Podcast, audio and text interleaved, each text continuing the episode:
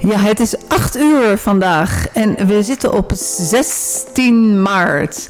Tegenover mij zit uh, Tineke Rodenburg en zij is mijn gast vanavond. Tineke, van harte welkom. Dankjewel, Annette. En wat superleuk dat jij uh, helemaal naar Den Haag gekomen bent. Ik stel voor jou, de luisteraar, Tineke even voor. Tineke is de grondlegster van verlieskunde binnen de Hogeschool Utrecht. Zij was docent aan de HU. Zij is systeem- en relatietherapeut. Zij is supervisor. Zij is rouwtherapeut. Zij is trainer en spreker. Zij is co-auteur van het boek Vechten voor je scheiding. Zij is co-auteur van het boek Rouwconflict. Zij is de partner van Piet. Zij is de mama van haar kinderen. De namen weet ik dan even niet. En zij is de oma ook nog van kleinkinderen. Ze is hartsvriendin van een aantal vrouwen. En ze is, uh, ja, bijna heb je een tweede huwelijk met Leoniek van der Marel. Nou, dat kan je zeggen. wat, wat ben ik vergeten, Tineke? Veel nou, aan. Misschien is het wel belangrijk om te vermelden dat ik samen met Leoniek van der Marel de schipaanpak heb ontwikkeld.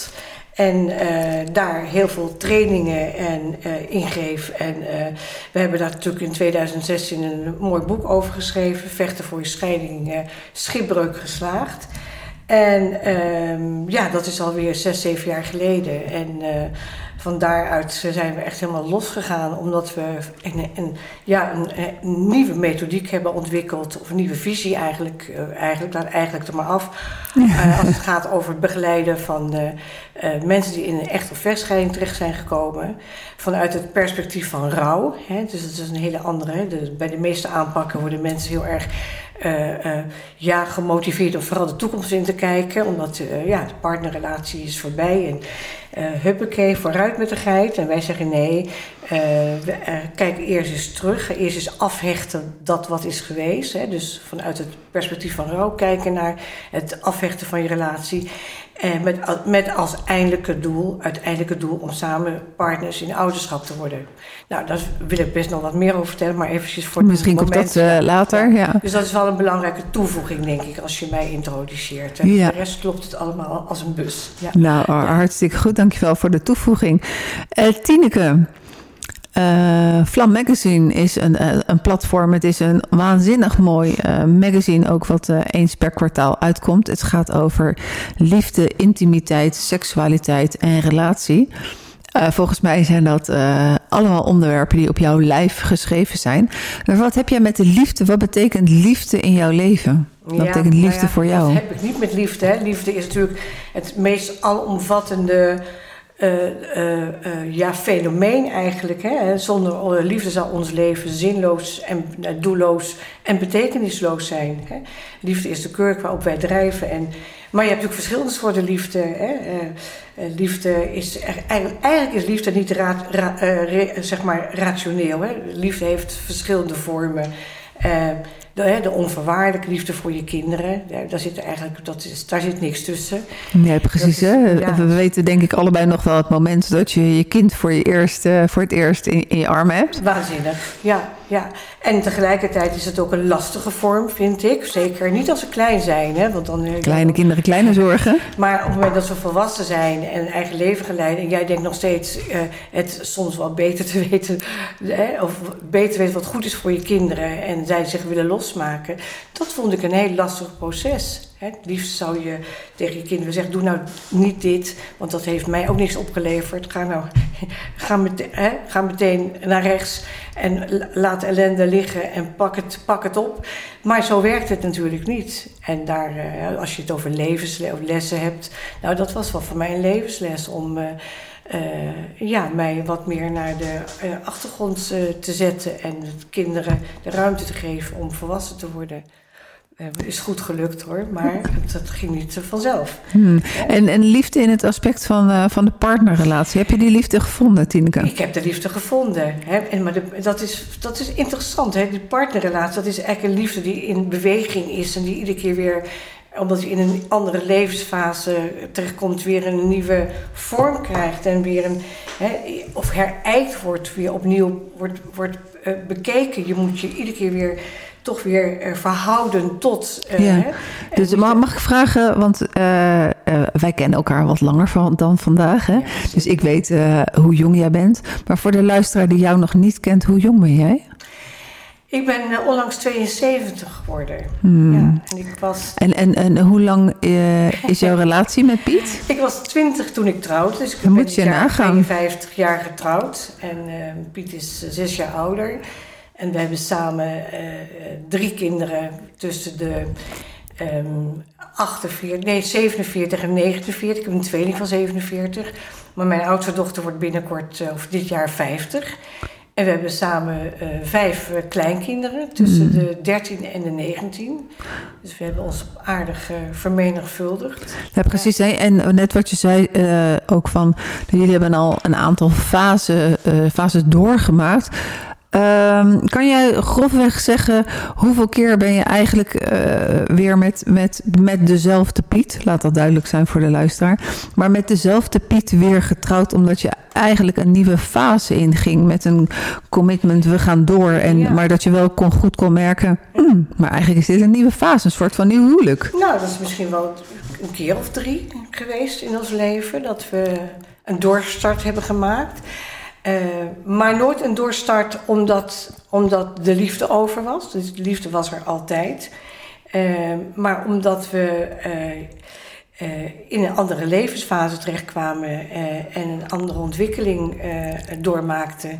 En dat moet je dan weer herijken of synchroniseren. Ja. Kan je die piketpaaltjes nog achteraf slaan? Van eh, welke fase, een andere leeftijdsfase? Grofweg kan ik me voorstellen uh, dat je een periode had zonder kinderen, een periode met uh, je eigen kinderen thuis en een grappig. periode ja. van dat daarna. Is zo, dat is zo grappig. Wij hebben, ik was anderhalf jaar waren wij samen. Toen hadden wij al een kind.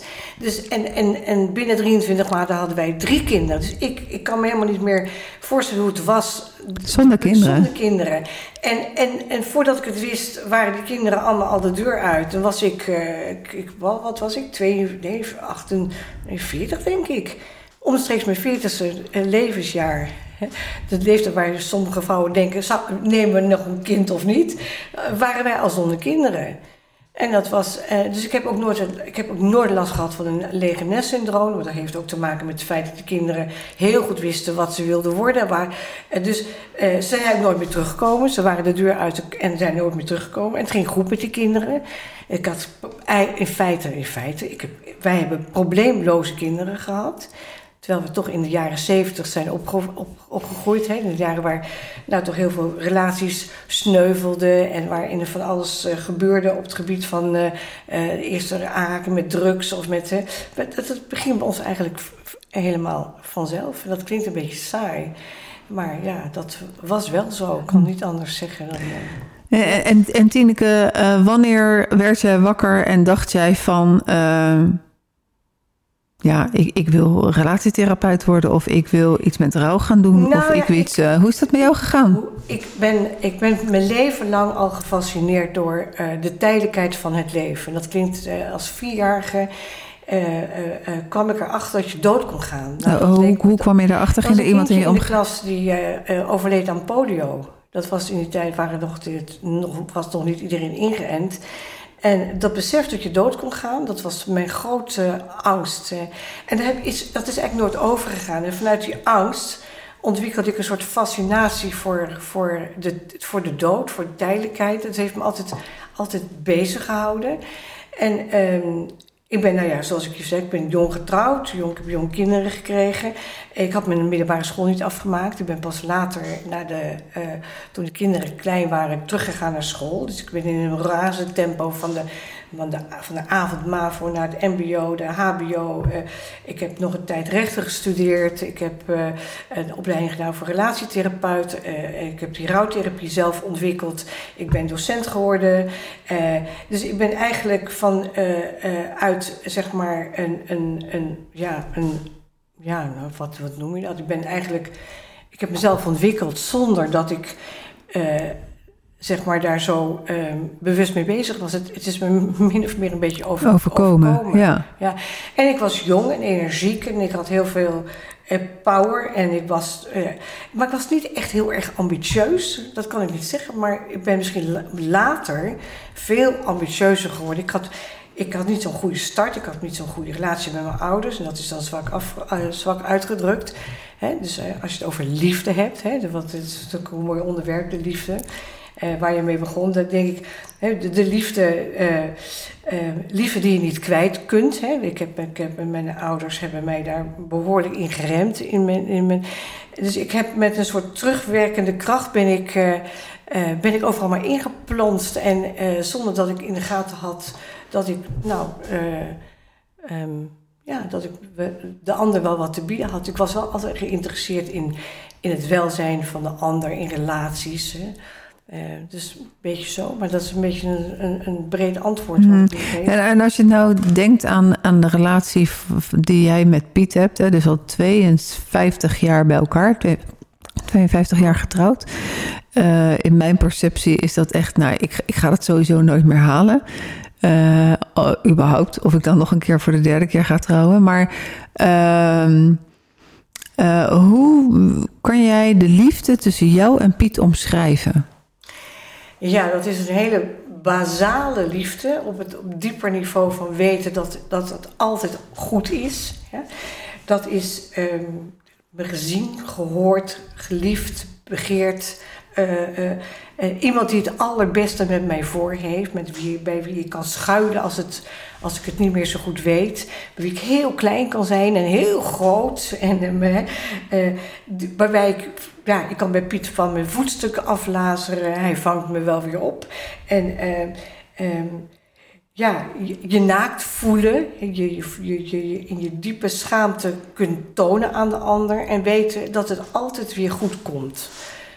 Dat is een, een, een heel. Uh, ondanks onze grote verschillen. Ik ben getrouwd met een man die uh, uh, extreem vermijdend is. En ik zit precies op die, op die andere kant. Ik ben, dus het is niet saai tussen jullie?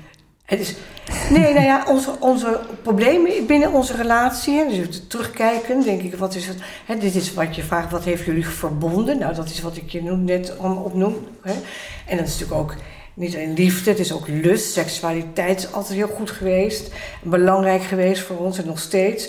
Uh, en maar wat, wat lastig is geweest, en misschien is dat wel mijn grote drijfveer uh, um, om relatietherapeut te worden, om het te verdiepen in rouw. Of, hè, en rouw is natuurlijk je, je verhouden tot de dingen die er niet meer zijn, hè, die je graag had gewild, een verlangen naar. Hè, dat is dan is dat denk ik de vermijd, de, zeg maar het vermijdende in onze relaties. Niet van mijn kant, maar van mijn mans kant. Het is een rasvermijding. En ik zeg wel dat is natuurlijk helemaal niet aardig als ik dat zeg.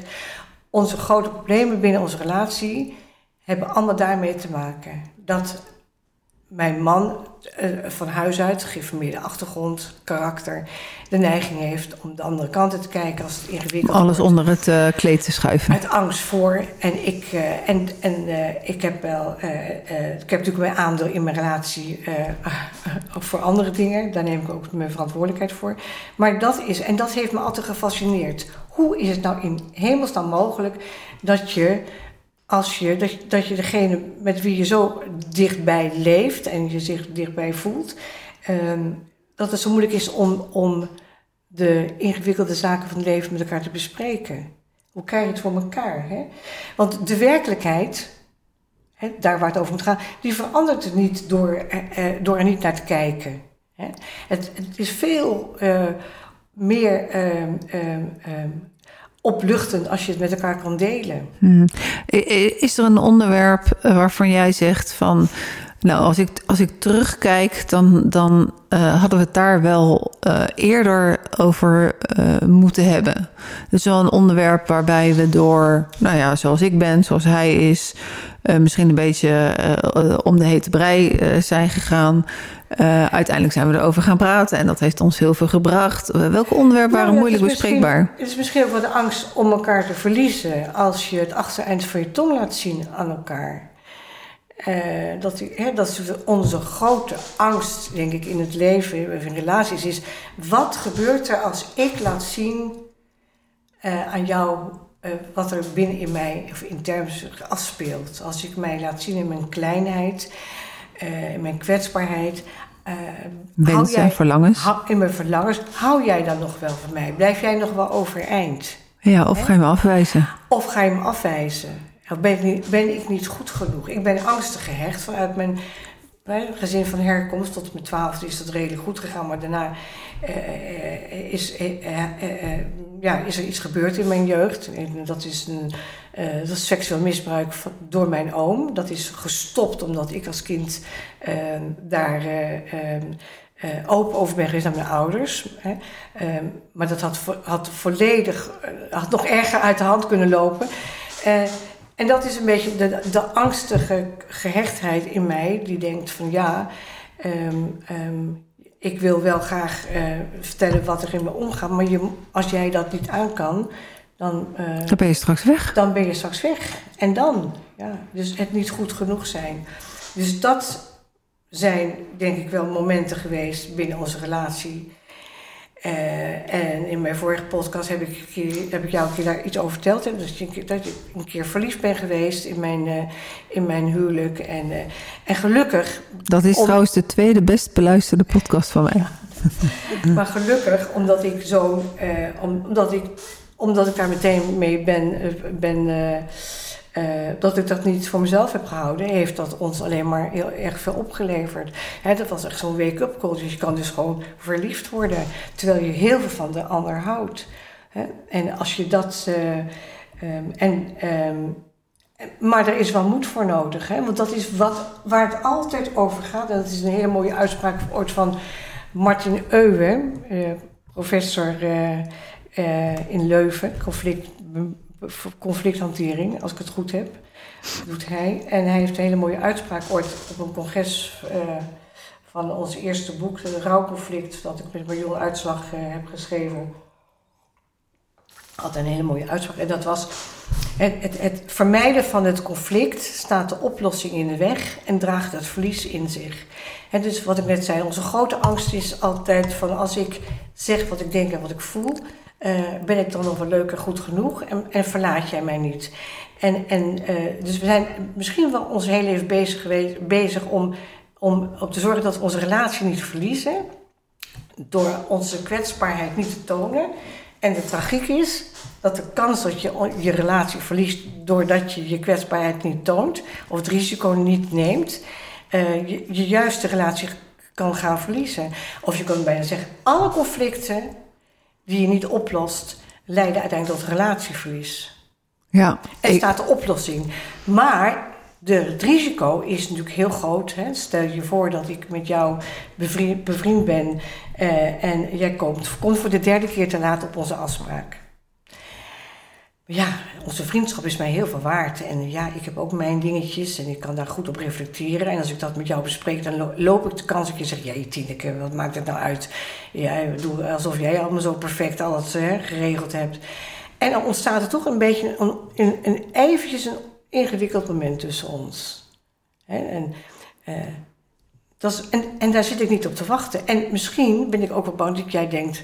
nou, toch niet zo leuk iemand als dat ik dacht... Uh, uh, ik ga een, een, een deurtje verder kijken. Maar de kans is ook aanwezig dat je, zegt, dat je tegen mij zou kunnen zeggen... wat fijn dat je me dat vertelt... Uh, want dat, klopt, dat is een zwakke, zwakke kant van mij. Ik moet op tijd komen. En ik ben blij dat je me dat zegt. Dat je me de moeite waard vindt om dat te zeggen. En dan krijgen we een wat... wat uh, maar gelijk de verdieping in. Ja. Maar dat gebeurt niet. Nee, en ik kom het in mijn praktijk ook uh, ongelooflijk vaak tegen. Ik kom het ook bij vrienden tegen en ik herken het ook van mezelf. dat dat het heel ingewikkeld kan zijn om precies dat achterste stukje van je tong te laten zien. Omdat je denkt inderdaad van, uh, nou ja, de angst voor afwijzing uh, en de angst om je partner te kwetsen. Uh, en de angst van de gevolgen van, van, maar dat heeft dan weer te maken met die angst voor afwijzing. waardoor je denkt van, oké, okay, ga ik dit zeggen, ga ik dit niet zeggen? Hoe gaat hij erop reageren? Mm, nee, misschien kan ik het maar beter niet zeggen. Ja, en dan gebeurt er iets ogenschijnlijk kleins en dan klapt de hele boel. En dan, eh, hè, dat is de, belangrijke vraag ook in met de schipaanpak, dat wij zeggen, waar is de relatie gaan schuiven? Wat was nou het eerste moment dat je dacht van, hm, niet zo fijn, niet zo leuk. Eh, en wat heb je ermee gedaan? En als je er niks mee gedaan hebt, waarom? Wat maakt dat je er niks mee hebt gedaan? En als je wel wat mee hebt gedaan, uh, wat heb je ermee gedaan? En wat was het effect?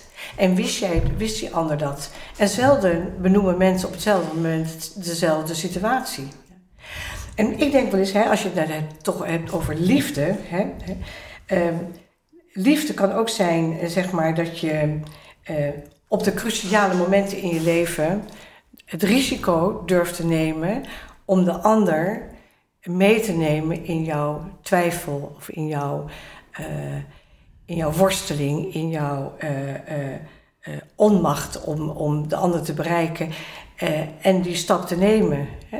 Hoe vaak missen wij zeg maar, elkaar niet um, omdat we bang zijn de ander te kwetsen? Hè? Dat zeggen we dan, ja, ik ben bang de ander te kwetsen. En hoe vaak gebeurt het niet dat, dat we denken, ook dat, hè, dat doen we ook als mensen in rouw zitten, dat we uit respect roepen dan voor de ander, de ander maar later, voor wat het is. Terwijl het misschien veel respectvoller is om het risico te nemen als ik naar jou toe ga en zeg, kan ik wat voor je doen? Dat jij eh, mij zegt, nou liever niet. Uh, dat is een groot, groot risico. En dan, maar we beschermen onszelf. We beschermen onszelf voor de angst voor, uh, voor afwijzing. En, uh, en ja, ik vind dat als ik. Uh, je had dus weer vroeg aan mij: wat zijn nou belangrijke lessen in jouw leven? Hè? Als het over liefde gaat. Helemaal over na te denken. Denken: wat is nou voor mij een belangrijke les?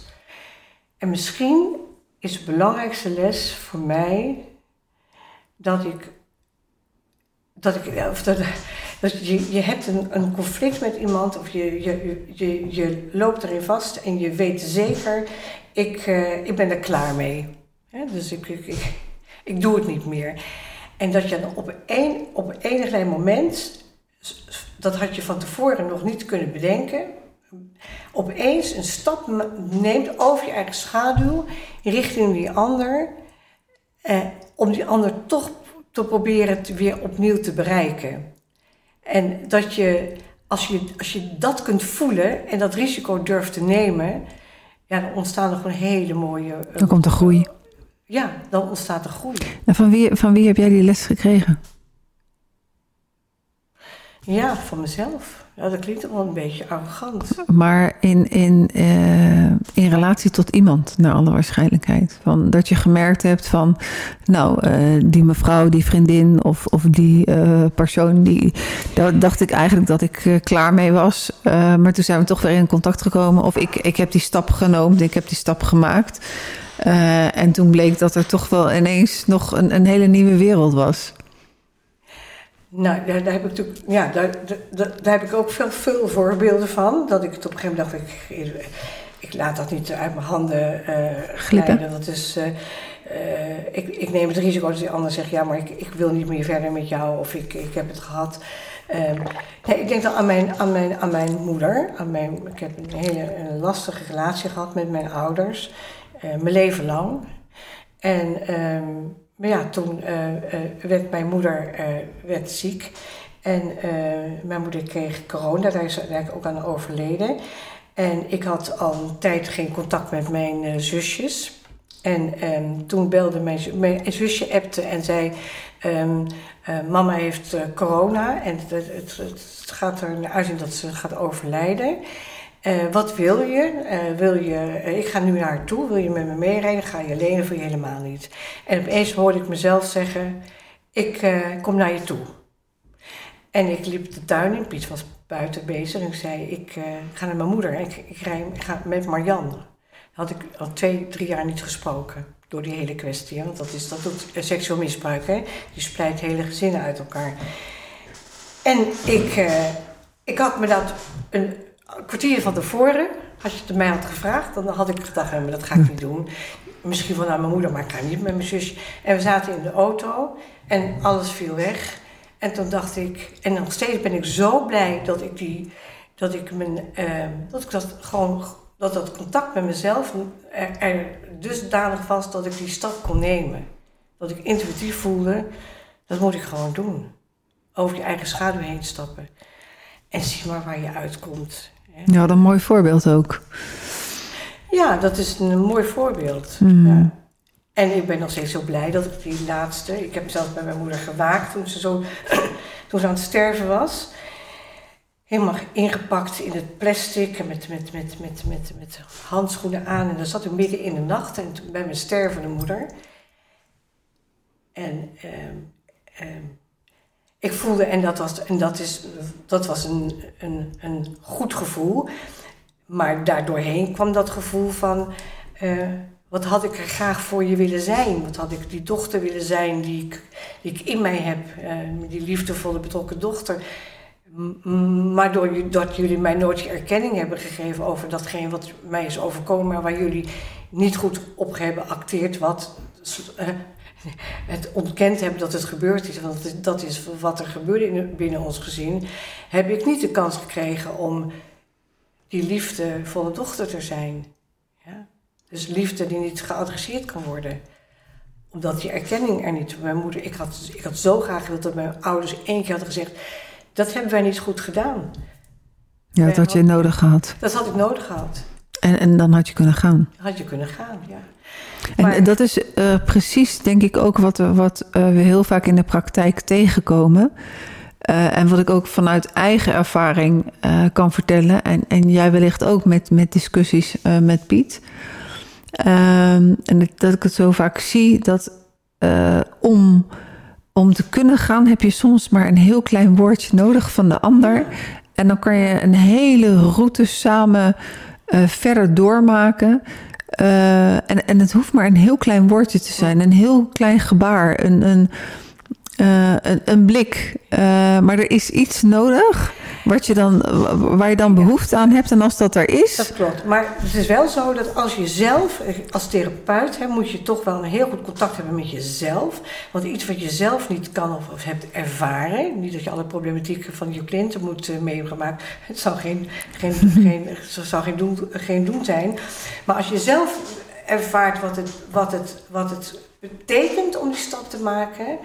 Kun je, kun, je, kun je het veel beter uh, proberen te faciliteren bij je, bij je, bij je cliënten. Hè? Want anders dan um, um, lukt dat niet. En ik vind het altijd bijzonder als ik daar een bijdrage in kan leveren. Omdat het exact. eigenlijk zo voorradig ligt. Het, het, is zo simpel van doe het maar. Ga het maar gewoon doen. Kijk maar waar je uitkomt. Wat kan je gebeuren? Hè? Uh, blijf jezelf trouwen in wat je hè, dicht bij jezelf kunt kunnen zijn. En, en, en dat, ik vind dat heel fijn, dat gevoel van dat ik dat, dat ik op een cruciaal moment in mijn leven denk dan dat ik het goede ga doen. Dat het wel goed komt. Ja. En, uh, want het is ook zo, hè, met, met de schip ben je natuurlijk heel vaak bezig met mensen. In, uh, nou laten we het op z'n zacht zeggen, in discussie met elkaar. Uh, dat, dat, dat, uh, dat, en als je dan terugkijkt, uh, waar je elkaar verloren? Waar, waar is het uh, op de helling gegaan? Dan hebben mensen het eigenlijk wel vaak al aangegeven. Ze hebben alleen de betekenis er aangegeven, zoals de ander het bedoeld heeft. Dus dat dan al heel vaak van, ja, maar ik heb je toch gezegd...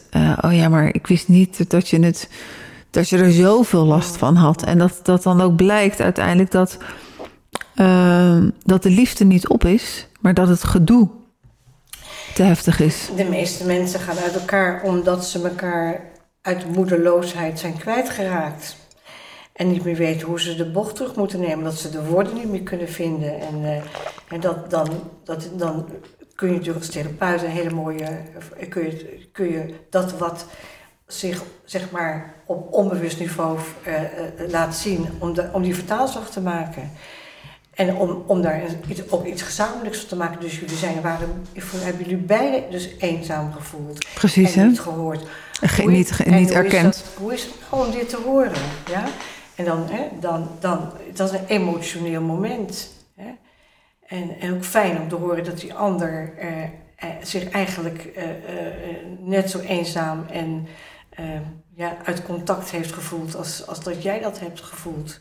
Ja. Precies, en, en, het is natuurlijk heel vaak zo, zo niet altijd, als een van de twee zich eenzaam heeft gevoeld en alleen en onbegrepen, dat de ander dat ook heeft. Ja. Nou ja, je beleeft jezelf over het algemeen eh, vanuit jezelf. Je denkt, ik ben de enige. En, en, en, en als je dat conflict maar uit de weg gaat en, en alsmaar probeert... Uh, dat, dat, dat die universele behoefte om gehoord en gezien te worden... Uh, die wordt, komt er vervormd uit. Die komt er vervormd uit in de vorm van verwijten en boosheid. En, en, en, en als je daaronder kan kijken, als je bij die kwetsbare kant kan, bij de verlangens en de behoeftes terecht kan komen bij mensen, krijg je een heel ander gesprek. Precies. En, maar dat redden mensen al lang niet meer als ze met elkaar... Ze kunnen ze elkaar niet meer horen. Want het is heel onveilig geworden. En om het achteruit van je tong te laten zien, daar moet, dan moet het veilig zijn. Anders dan uh, uh, neem je het risico niet, uh, om, neem je het risico niet om weer beschadigd te worden. Precies. Het is vaak als mensen zeggen van ik wil je nooit meer zien, bedoelen ze eigenlijk ik wil niet meer gekwetst worden. Of ik ben er helemaal klaar mee. Hè? Ja, en als, als wij vrouwen zeggen, ik wil je nooit meer zien, dan betekent het eigenlijk van ja, kom terug, ik wil een knuffel, ik wil omhelzen, ik wil van alles van je. Maar het is een soort van test. Wij vrouwen zijn daarin wel moeilijk te begrijpen voor mannen soms. Dat denk ik ook. Ja.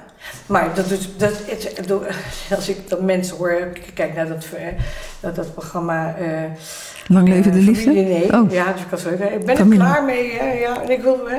en even later, als je dan vraagt van, nou, maar mis je dan je zus niet? Of mis je dan je dan komen de. Ja, natuurlijk mis ik, eh, maar ik wil niet, we willen niet meer gekwetst worden. En met je relaties of met je familie ben je nooit klaar. Dat je kunt niet van je familie scheiden. Dat is een band voor de rest van je leven. Uh, wat, wat, wat, wat, je hoort natuurlijk ontzettend vaak uh, dat er uh, families gebrouilleerd zijn. En inderdaad, hè, uh, wat jij zei, uh, van, van incest. Of, maar van de laatste periode is dat er families gespleten zijn om het hele corona-verhaal. En, en de meningen van deze of gene. En dat, maar dat mensen zeggen, als ze geen contact meer hebben, van nou ja, ik mis mijn moeder niet. het doet me niks. Mm. Kan jij voor de luisteraar even uitleggen wat dat betekent en uh, waarom je daar eigenlijk geen, geen afstand kan nemen van, van je moeder? Nou ja, je bent je familie, dat, dat, is, dat, is, dat is een soort, dat is loyaliteit, hè? dat is een zijnsloyaliteit. Um, dat is niet een vraag van of je dat bent, maar dat, dat ben je. Je bent altijd loyaal, ook al heb je ouders die er een potje van maken, ook al ben je misbruikt, ook al hebben je ouders je afgewezen.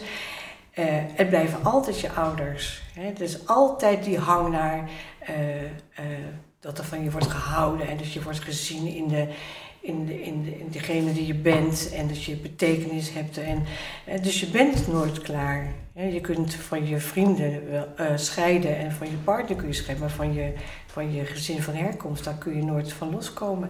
Het is niet voor niets dat mensen op hoge leeftijd nog steeds bezig zijn om die erkenning van die ouders te krijgen. Al had mijn moeder maar één keer gezegd, of had mijn vader maar één keer, dat soort, uh, had ik dat fijn gevonden. Ja, en als je het niet van je ouders krijgt, dan ga je het uiteindelijk, hè, als je daarmee broeieert, dan ga je het, ga je het bij anderen zoeken. Nou ja, je schuift, je, je schuift dat wat je niet hebt gekregen aan, aan waardering en aan, aan, aan betekenis, uh, betekenisvol zijn. Dat, dat als je dat niet krijgt van je ouders, betekent dat niet dat die behoefte verdwijnt. Die schuif je als het ware door naar de, uh, naar de eerstvolgende identificatiefiguur. Dat is dan je partner. Maar je partner is je partner. Je partner is niet je ouders. Dus je hebt iets op te lossen op het niveau, op, op een ander niveau. Anders dan, dan, dan kun je nooit een volwassen relatie aangaan. He, dus, uh, en dat is natuurlijk een. Uh, ja. Maar niet altijd lukt het. Niet altijd lukt het om met je ouders daar mee rond te komen. En soms krijg je het nooit. Daar zul je iets mee moeten, moeten doen om de weg vrij te maken naar je partner. Ja, en om, om de stenen op te, op te rapen, zodat je kinderen er niet over, overvallen. Want wat, wat ik wel heel vaak zie, is dat als, als, als een kind broeieert met de ouder, en, dat kind is dan een, een volwassen iemand, dat daar weer het kind van dat je een herhaling ziet van het patroon. Nou, je krijgt transgenerationele verliesvasten hè, die je doorgeeft.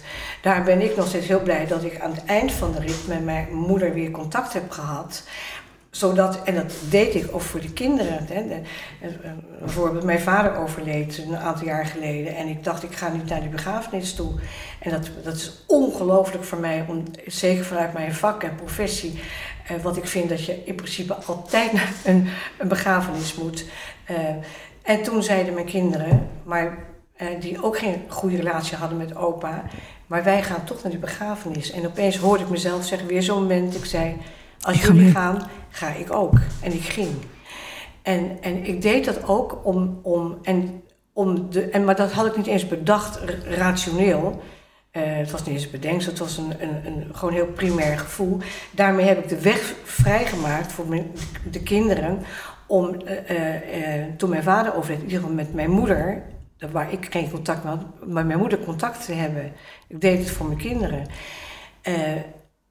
En daar ben ik nog steeds heel erg blij mee. Dat mijn kinderen gewoon gezegd, ik ben bij oma geweest. En uh, dat ik zeg, was het leuk bij oma? Of, hè, terwijl het ook heel erg lastig was voor die kinderen om... Uh, om daartussen te zitten. Om mijn moeder, om mijn moeder te zien die, die, door die, door de, die heel veel verdriet had voor datgene wat, uh, wat de ouders niet goed hebben gedaan in mijn jeugd. Precies, ja. Ja. Dus uh, een hoop rouw en, en, en, en, je hebt je daar uiteindelijk je vak van uh, ja, gemaakt? Nou ja, ik, dus ik, ik kon ook niet anders dan het enige wat mij, het enige wat mij eigenlijk interesseert in het leven is hoe gaan mensen om met, met, met leed, met ellende, met, met, met veranderingen in het leven die ze niet zelf hebben gezocht, maar die wel op een pad is gekomen. Wat je aangedaan wordt soms. Hoe verhouden mensen zich? Hoe komen jullie mensen bij een veerkracht? Vertel me je verhaal. Hoe, hoe heb je dat gedaan? Wat, wat was er voor nodig? Uh, en, en ik ben, en, ja, gevolg daarvan is natuurlijk ook uh, uh, relaties. Hè? Waarom lukt het de een wel en de ander niet om een relatie uh, vorm te geven. En, uh, en wat is dat dan een goede relatie? En wie bepaalt wat een goede relatie is? En dat kan natuurlijk voor iedereen verschillend zijn. En hoe belangrijk het is om een goede relatie te hebben. Omdat ja, een goede relatie is de buffer voor alle, alle andere ellende die wij in ons leven op ons dak krijgen. Ja? En um, ja, dat vind ik fascinerend. Maar niet alleen maar liefdesrelaties hoor, ook vriendschappelijke relaties en relaties op de werkvloer. Uh, ja, vind ik interessant. Hmm, en, en als je nou kijkt hè, op. Uh, het, uh, jullie hebben hier gezellig gegeten, jij en Piet. En dus we hebben het al over het een en ander gehad. En ik vertelde jullie van, nou, ik ben nu 58 en ik moet nog niet denken aan de dood. Ik heb nog zoveel wat ik wil. Twee kleine kleinkinderen. En ik heb het vage vermoeden dat er nog meer komen. En ik wil zelf nog uh, veel te veel. Ik denk dat ik afscheid nemen van het leven echt uh, ja, ongelooflijk ingewikkeld ga vinden. Denk ik nu. Hè? Misschien denk ik daar over 30 jaar anders over. Uh, hoe kijk jij daarnaar? Mijn angst voor de dood, die zal er denk ik altijd blijven tot de laatste minuut. Maar ik, omdat ik er zo intensief mee bezig ben en, op zoek ben gegaan van, en, en gekeken heb van hoe, hoe doen anderen, hoe anderen die mij voor zijn gegaan dat. dat, dat ik denk steeds vaker, nou, mijn beste vriendin Marie-Louise is 15 jaar geleden overleden. En toen dacht ik, als zij het kan, zij hield zo van het leven, dan kan ik het tegen die tijd ook wel. Dan bedenk ik er wel wat op. ja. en, Zoals uh, wat? Um, ja, dat het, um, dat het goed is of dat het. Uh, nee. um, dat ik er. Nou ja, dan denk ik, als ik er maar zo het enige wat wij hier kunnen doen op deze wereld is er maar zo goed mogelijk proberen te zijn. Dat probeer mm. ik. De dag, elke dag de slingers ophangen? Nou ja, niet al, nee, ook verdrietig zijn. Nee, nee, nee, niet vooral nee, want het is, het is een worsteling het leven. En zeker naarmate je ouder wordt, je krijgt steeds meer uh, gedoe in je lijf. En uh, gaan mensen om je heen krijgen allerlei uh, vervelende dingen of gaan dood. Um, um, maar het leert mij heel erg om. Um, om uh, er maar zo goed mogelijk te zijn, zo authentiek mogelijk. En proberen zo dicht mogelijk bij mezelf te blijven. Uh, in mijn, in mijn uh, grootheid, maar ook in mijn klein, klein zijn. En, um, ehm, ja, vooral het delen van, van mijn worsteling. Dus, eh, hoe doe jij dat? En hoe, hoe eh, ja, ja, zoiets een beetje. Hmm. Nee, Dus maar ik vind, het, ik vind het onverteerbaar hoor, dat we doodgaan en eh, dus dat er een eind komt aan. aan eh, maar misschien is het ook wel goed dat er een eind komt eh, aan het leven en dat het een keer klaar is. Dat kan ik ook wel eens denken. Nou, god, nog, hoeveel kerst moet ik nog, mag ik nog meemaken? En als ik morgen zou overlijden, dan heb ik in ieder geval een, een schone lei of zo. Ik heb, ik heb Geloof je in iets na de dood? nou, nee, daar geloof ik niet in. Maar wat ik wel geloof in dat ik, ehm, nou, ik zei net dat ik er geprobeerd heb zo goed mogelijk te zijn. Ik heb me laten zien, ik heb me laten kennen, ik heb me laten, eh, ik heb me, ik, ik ben er geweest zoals ik ben. En, en, en eh, ik hoop dat ik voor heel veel eh, mensen een voorbeeld ben geweest, of dat het helpt. dat ik je heb kunnen vertellen, vertel het me maar, zeg het maar joh. Schaam je maar niet, Eh, wees maar klein, Eh, laat het maar zien, het komt wel goed. Ja. Hè? En, ehm, en eh, ja, zo. Dat, Nou, de vraag die ik je niet gesteld heb van hoe wil je dat mensen je gaan herinneren dan na jouw dood, daar heb je nu wel antwoord op gegeven. Ja? Ja. ja, ja, zeker. Want ik denk Ja. dat, dat, dat je daarbij hetzelfde antwoord zou geven. ja, doe het maar. Wees maar niet bang. Ja. Je, kan gewoon, je kunt het gewoon zeggen. En dan is het lekker, dan is het gezegd, dan krijgt het lucht. En, en wat jij denkt en voelt, voel ik misschien ook, of zeer waarschijnlijk ook.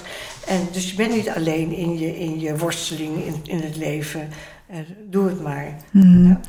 En ehm, welke muziek zou je willen dat er gedraaid zou worden? Heb je daar... Ja, dus ik, er is natuurlijk zoveel mooie muziek. En, op, en, en opeens dacht ik, toen je die, mij die vraag stelde, dacht ik, ik weet het. Dat is When I'm Late in Earth. Dat is van eh, de cameraopera eh Dido en Aeneas van eh, de Engelse componist Harry Purcell. En dat is eigenlijk qua muziek zo ontzettend mooi, hartstochtelijk, meeslepend. Ehm, en wat, wat, wat, die tekst eigenlijk zegt, eh, nou, ik, ik eh, vergeet me niet. Hè? Want als, ik, als je me vergeet ben, als ik straks daar lig, in de, als ik dood ben en in de, in de groeven lig, ehm, ehm, vergeet me niet, want dan zou mijn leven geen betekenis hebben gehad. Hè? Maar eh, laat me maar los. En, en toen, ik was er dan een beetje aan het zoeken op, op internet. En toen kwam ik tegen dat Jan Rot heeft daar zijn eigen tekst op gemaakt. Die is echt een aanrader. Met die prachtige, een beetje krak, krak, krakkige stem van hem. En zijn tekst is, en ik heb het even opgeschreven. ja, ga je gang, ga je gang. Die, die zegt, en als ik straks dood ben, dans jij dan een keer op mijn graf. Dankbaar dans je op mijn graf. Niet huilen, niet huilen, ik heb geleefd. Als ik straks dood ben, leef jij dan alsjeblieft voor twee. Neem mij in je leven mee. Geen wanhoop, geen wanhoop. Ik leef met je mee. Denk aan mij, denk vaak aan mij. Maar alsjeblieft geen bloemen en geen rouw. Denk vaak aan mij, maar alsjeblieft onthoud. Ik leef door in jou. Ja, dat is natuurlijk een prachtig tekst voor iemand die eh, de dood in de ogen kijkt. Ja, wanneer heeft hij het geschreven? Toen hij ook al ziek was? Ja, dat was vlak voordat hij overle- Hmm. overleden is. Ja, ik heb er kippenvel van. Ja, dus zo. En dan die prachtige muziek, hè? Remember me, rem. Is, heel moeilijk, want ik, ik, ik, ik hou van zingen. En ik probeer het wel eens na te zingen. En ik kan er dan net niet bij, heel irritant. In mijn, in mijn, hoofd, in mijn hoofd zing ik dat heel vaak. Eh, nou, dat is een prachtige... meer kun je niet doen Hmm. dan er maar zo goed mogelijk proberen te zijn voor die ander. En risico's durft te nemen. Dat je op je bek gaat en dat je eh, teleurgesteld bent. Of dat je niet krijgt wat je had gedacht dat je verdiend had. Weet je, dat soort. Hè? Doe het maar. Ja. Dat je dus aan het eind van de, van de rit, als je dan, ik me voor, dat je dat. Dus ik hoop, als ik maar. Ik heb er niks over te zeggen. Maar een onverwachte dood zou voor mij heel erg zijn. Ja? Ik heb mijn, mijn, mijn, mijn, eh, mijn eh, geboorte al niet be- bewust meegemaakt. Dus ik hoop dat ik ehm, eh, de kans krijg om afscheid te nemen. En ehm, het lijkt me zo mooi als je dan het gevoel hebt van... ehm, ik heb niks laten liggen. Hmm. Ik Ja. heb het leven ten volle geleefd. Ja. Dat, is, Eh, zo- dat lijkt me zo heel, heel erg dat je denkt... eh, ja, En ik denk, ik wel denken aan die, die, die man die zit bij zijn, uh, een cliënt, maar die zit bij zijn sterfbed van zijn vader. En dan uh, doet die man, die sluit zijn laatste, laatste adem uit. Even een slokje water. Ja, dat kan allemaal. Hm? Mm -hmm. Er staat er alweer een, uh, een, een bloemenvaas vol met water voor mijn neus, dus die moet op. En dan blaast die man zijn laatste adem uit. En dan zegt de moeder, ach jongen, je vader hield zoveel van je. En de jongen zei, had hij het maar één keer gezegd. Mm. En dat is een beetje hè, in een nutshell van, uh, zeg, zeg het maar. Uh, uh, ja, zeg het maar. Precies dat. En zie wel wat er gebeurt, ja. ja. ja. En, en Tineke, ehm, we, we, gaan even over naar, naar een boek. Je hebt ook een boek meegenomen. Ja. Ja. Ja, dat is, het is een boek van, ja, dat zou je natuurlijk helemaal niet verbazen. Het thema seksueel misbruik. Hè, en uh, er is de laatste jaren gelukkig veel meer aandacht voor. Uh, en, uh, hè, of seksueel of ehm, grensoverschrijdend gedrag. gedrag. Media staan er vol van. Um, prachtige boek van uh, Giet op de Beek. Ik ben een ontzettende liefhebber van haar. Ze heeft een trilogie geschreven. Waarin zij deze belangrijke thematiek uh, uitwerkt en tot op het bot wil uitspitten. Um, het zijn drie boeken die zeg maar, perfect afzonderlijk te lezen zijn van elkaar. Vanuit drie verschillende perspectieven. van het, uit hetzelfde thema. En, en, die, en die telkens de ruimte krijgen vanuit die verschillende perspectieven. Omdat sommige dingen gewoon niet simpel te vertellen zijn. Die moet je driedimensionaal be belichten. En zij, zij heeft heel veel kritiek gekregen. Eh, ja, uh, enorm. Hè? En, uh, en, en ik leef er zo met haar mee, omdat ik dat... Ik ken dat gevoel. Op het moment dat je open, het opengooit... Hè, ik heb op een gegeven moment mijn, mijn oom, die inmiddels 283 is, ter verantwoording geroepen. Hij leeft nog? Hij leeft nog. Maar in de familie was dat, was dat natuurlijk, uh, was, het was al zo lang geleden en waarom wilde ik dat nou nog bespreken? En was het wel gebeurd en had ik niet de te grote fantasie? En, uh, als ik je even mag onderbreken, want dat is een, een punt wat in de media ook heel vaak terugkomt. Het is al zo lang geleden. Ja, nou, als, alsof, alsof als dit je overkomt, dat je het gelijk kan gaan zeggen. Wat kan je hierover zeggen? Wat maakt dat je tijd nodig hebt om het überhaupt te durven zeggen. Dat is een hele mooie. Zij, zij, dat is Manon Uphoff heeft er ook over geschreven in dat prachtige boek uh, Vallen als ik vlieg. Als vallen is als vliegen. En zij komt op een gegeven moment in een crisis terecht, Manon Uphoff, hè, de, gerenommeerde schrijfster. Uh, haar relatie hapert en dan uh, overlijdt haar 16 jaar oudere halfzus. Die overlijdt, die valt van de trap, die is uitgerogen, uitgehongerd. En opeens zegt ze, uh, beseft ze, dit verhaal moet verteld worden. Hè? En, en, nergens in het boek gaat het over seksueel, uh, uh, wordt het woord seksueel misbruik genoemd. Hè? Maar overal is die beklemmende, die beklemmende gevoel van, van wegkijken, wegkruipen. Door alle omstanders om dat misbruik heen beschreven. Je krijgt er benauwd van. Hè? En dan een heel klein citaat uit haar boek. Een vijfjarige doet een handstand. Een flodderig wit ondergoed wordt zichtbaar. Twee ogen beginnen te glanzen en de stem zegt schor. Zo, die kleine is heel geraffineerd. Ja? Nergens wordt het benoemd. Het gaat over haar vader. Hè? Um, ja, de, narigheid doet je, doet je, doet je, je keel dichtknijpen, doet je slikken, je wordt helemaal beroerd van.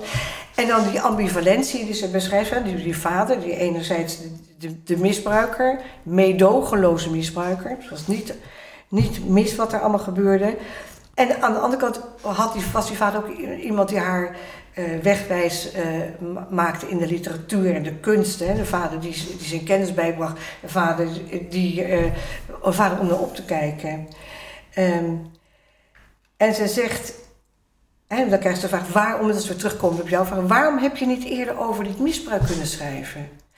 En dan zegt ze iets, en misschien moet je het een paar keer lezen of terug horen om te begrijpen wat de impact is van wat ze zegt. Ze zegt,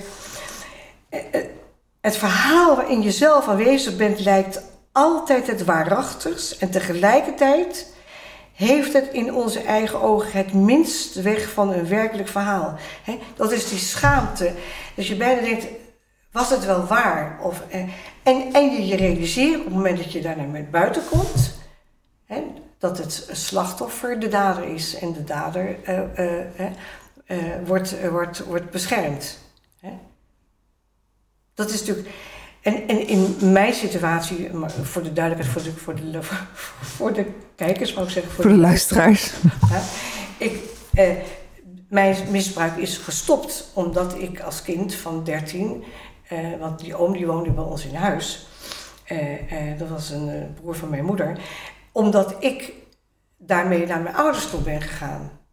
Maar als ik niet zo'n extravert kind was geweest, maar, dan was het finaal uit de hand lopen. En mijn grote, mijn grote tragiek zit, ik wil het niet bagatelliseren, dat zou te makkelijk zijn wat er is gebeurd.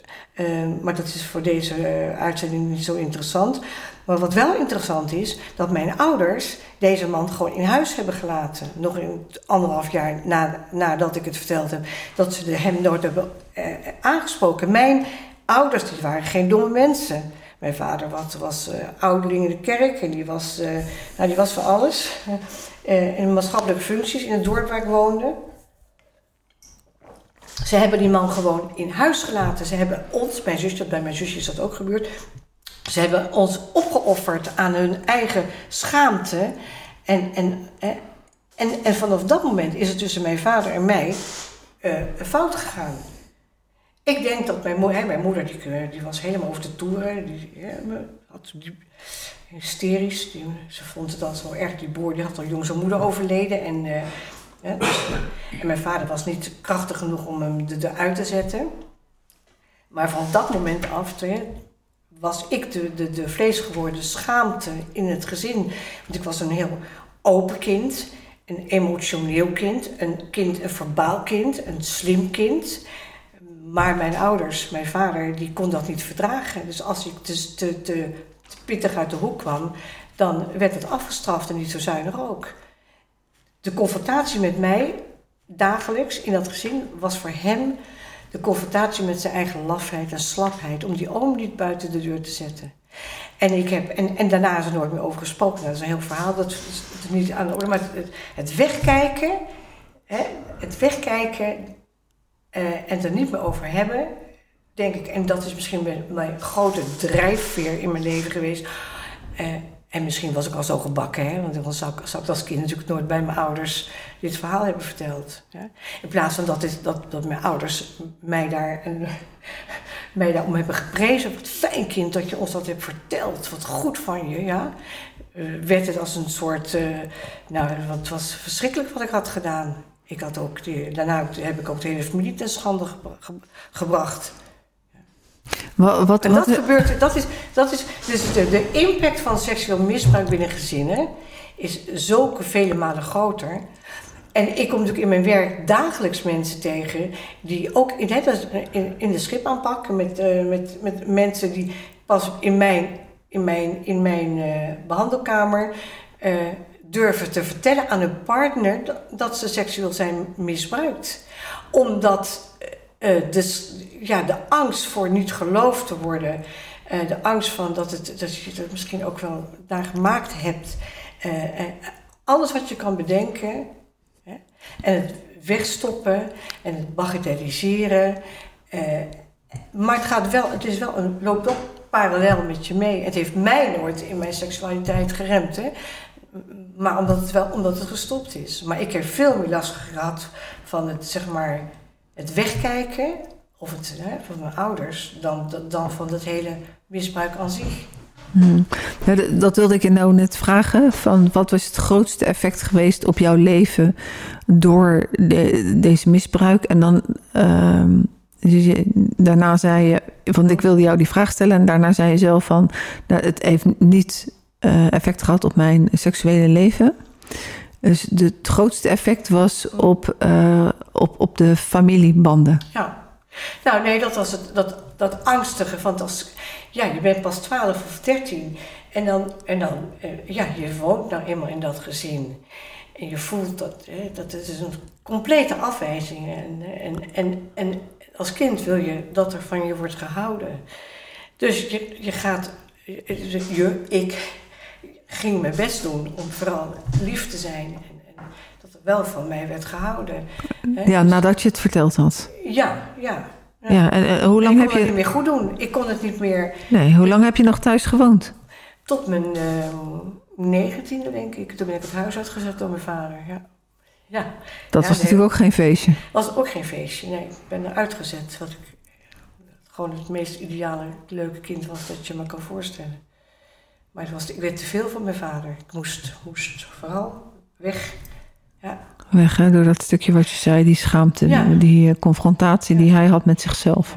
maar het heeft me nooit weerhouden van om, om, om dat vind ik dus bijzonder ook. Het is natuurlijk ook, ja, daar be- ben ik mijn eigen karakter dankbaar voor. Dat, dat, dat is niet waar ik iets in gedaan heb, dat heb ik ook maar meegekregen in mijn, in mijn persoonlijkheidsstructuur. Dat het me er nooit van heeft weerhouden om, om, om, ehm, om bij mezelf, vanuit mezelf te, te, ja, om wat mee te doen. Of zo moet ik, leg het niet zo goed uit. Snap je wat ik bedoel? Het heeft mij nooit van weerhouden om te, te worden wie ik was. Nee. Ja. En van welke drive heb je daarvoor?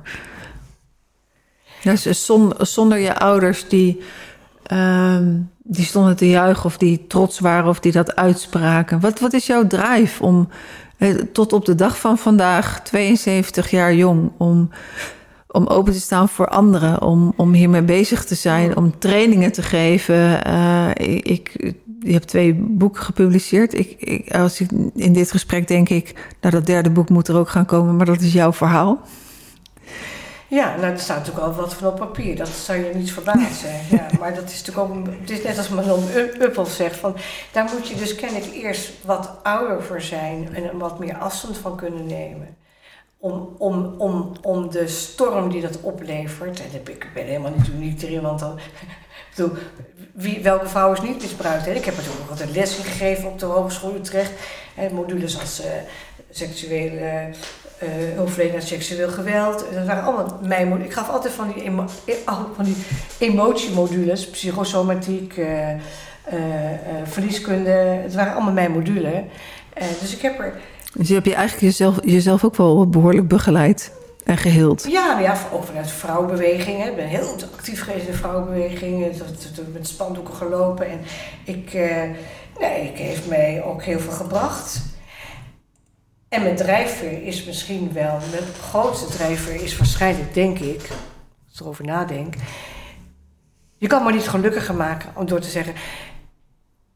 Ik, eh, eh, God, dit heb ik nog nooit aan iemand verteld. Aan jou kan ik het wel toevertrouwen. Of het is bij jou in goede handen. Of eh, bij jou durf ik het te laten zien. Eh, of of eh, jij hebt mij het laatste zesje gegeven. Nou, dat is gewoon. want weet je, dan kun je gewoon verder. Hè, wij noemen dat in de, in de schipaanpak.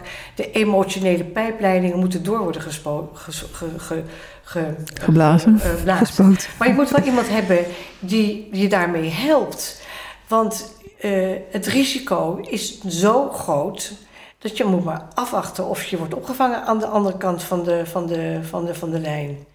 Maar die opluchting, als je het gewoon wel kunt, eh, is zo bevrijdend. En als ik daar een bijdrage in kan leveren, nou, dan is mijn leven eigenlijk al wel geslaagd, denk ik. Ja. Nou, dat, we, gaan zo langzamerhand naar, naar het einde van het uur. Nou, Dus is, ja, dat, het is eigenlijk een, een perfect laatste woord eh, in deze, voor, eh, voor deze aflevering. Maar nog even als, als allerlaatste, Tineke. Welke vraag heb ik je niet gesteld en had je toch nog graag antwoord op willen geven?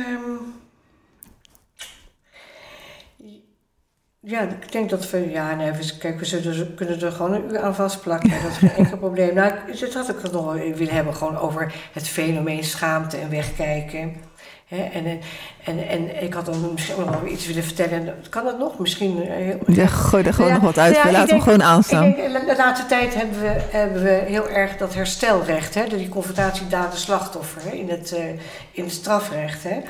En ehm, ehm, hoe helend dat is hè, als, je, als je dat kunt. Hè. Dus je kunt wat er gebeurd is niet meer ongedaan maken. Maar als iemand die jou iets heeft aangedaan, de verantwoordelijkheid kan nemen en zegt dat wat ik deed, dat klopte van geen kanten. Eh, als ik het over kon doen, zou ik het overdoen, maar kan het niet meer overdoen. Ik heb jou daar heel erg uh, schade mee berokkend. Punt. Ja? Eén zin, misschien kan het nog wel korter. Dat effect daarvan is zo dermate groot, dat kan niemand anders jou geven dan degene die jou dat heeft aangedaan.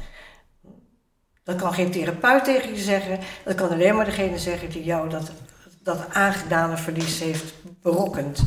En, en tegelijkertijd vinden we dat zo moeilijk. En dat verbaast mij. Hoe is het in godsnaam mogelijk dat we dat niet tegen de ander kunnen zeggen? Dat wat ik deed klopte niet. Het spijt me ontzettend dat ik jou daarmee verdriet heb gedaan. Punt. De hele mitsen en de maren. Precies, hè? want je, je, bent heel krachtig in, in, Dit is een goed excuus. Vaak zie je uh, excuses uh, tenminste, ja, ik hoor vaak in mijn, in mijn praktijk van ja, ik heb al honderd keer sorry gezegd als het gaat over ontrouw. En dan zeg ik ook altijd, ja, dan heb je het blijkbaar nog niet op de, op de goede manier gezegd. En dan gaan we daarmee aan de slag. Want een goed excuus maken is uh, hogere wiskunde in, in de taal. Ja, nou ja, de mitsen en de maren zouden we, hè, als zo'n zo'n zo'n uh, uh, man die jouw kind heeft doodgegeven omdat hij te veel heeft verdronken tegen de rechter zei, ja, hij zegt, ja mevrouw of meneer de rechter, ik reed wel heel hard hoor, dat klopt, maar niet zo hard. Nou ja, je kunt het vergeten, ja. En ik weet van Marion Uitslag, met wie ik dat uh, rouwconflict heb geschreven, die, die strafrechtmediator is, die, die kan daar zo, die zou je ook eens moeten vragen voor je uitzending, die kan er zo beeldend over vertellen, hoe helend dat is. Het is eigenlijk is het leven in dat opzicht helemaal niet zo moeilijk als we dat op school zouden leren. Zelfontwikkeling, verantwoordelijkheid nemen, uh, uh, uh, de beweging naar die ander maken, het goed maken, er voor de ander kunnen zijn. Dat zou de meeste. Maar goed, we leven niet in die ideale wereld. Hè? Maar Was het maar zoveel? Nee, het hmm, ja. Tineke, ja, uh, we, we, zijn er. Uh, ja. We hebben alweer een, uh, een, een uur volgesproken. En nog zijn we eigenlijk niet klaar. Ik hang elke keer aan jouw lippen. Dank je ontzettend voor de hele reis naar Den Haag. Het was een waar genoegen. Gedaan. Als ik straks in de auto denk ik, wat heb ik nu toch allemaal weer van zelfontwikkeling hier neergestort. Hè? Dat, is, dat is ook realiseer je dat goed. Uh, ik praat makkelijk, dat heb je gemerkt. Maar zo vertellen over je eigen seksuele misbruik. Hè, dan gaat altijd nog het luikje open. Ach, mijn zus dit hoort. Of nee, ja, ja. Maar het moet, het moet. Het moet, het, het moet, verteld worden. Dus ik heb geen spijt, maar ik denk wel, oei. oei. Ja. ja. als je hem straks terug beluistert, misschien helemaal. Maar dit gaat is live uh, internet opgegaan. Het, het, moet gewoon. We, gaan, we kunnen er niet meer in knippen. Ik wil je in ieder geval danken wel, dank je, we dank je willen danken. En nou, dank je wel nou. voor, uh, voor je openheid. En jij voor de Voor je komst. en uh, dit is niet de laatste keer dat we elkaar zien. Nee, er komt weer nog een keer na. Super, super dank je wel. Nou, dank je wel. En voor de luisteraar, over twee weken is er weer een Radio YouTube live. En dan zijn Margarita Bernal en uh, Jordi Vos mijn gasten. En dan gaan we het hebben over samengestelde gezinnen. En samengestelde gezinnen is zo'n beetje uh, waar we met z'n allen naartoe gaan. Dat we ze steeds meer zien. Na de scheiding ontmoet je iemand. En uh, in mijn tijd, toen dat mij gebeurde in de eind jaren negentig... Um, toen ik ging scheiden en later toen de vader van mijn kinderen overleed, toen was ik ook al uh, iemand in een samengesteld gezin. Alleen dat woord bestond toen nog helemaal niet. En daar gaan we het volgende week, uh, over twee weken over hebben. Voor vandaag, dankjewel voor het luisteren. Heb je een reactie naar Tineke toe? Tineke, waar kunnen mensen jou bereiken? Vind je dat prettig of gaat dat via mij? Doe maar via jou. Oké, dan kan je een berichtje sturen naar mij. Dat kan via info.youtubecoaching.nl of gewoon via infovlammagazine.nl. Dan komt het ook bij mij terecht. Voor vandaag, dankjewel voor het luisteren en tot over twee weken.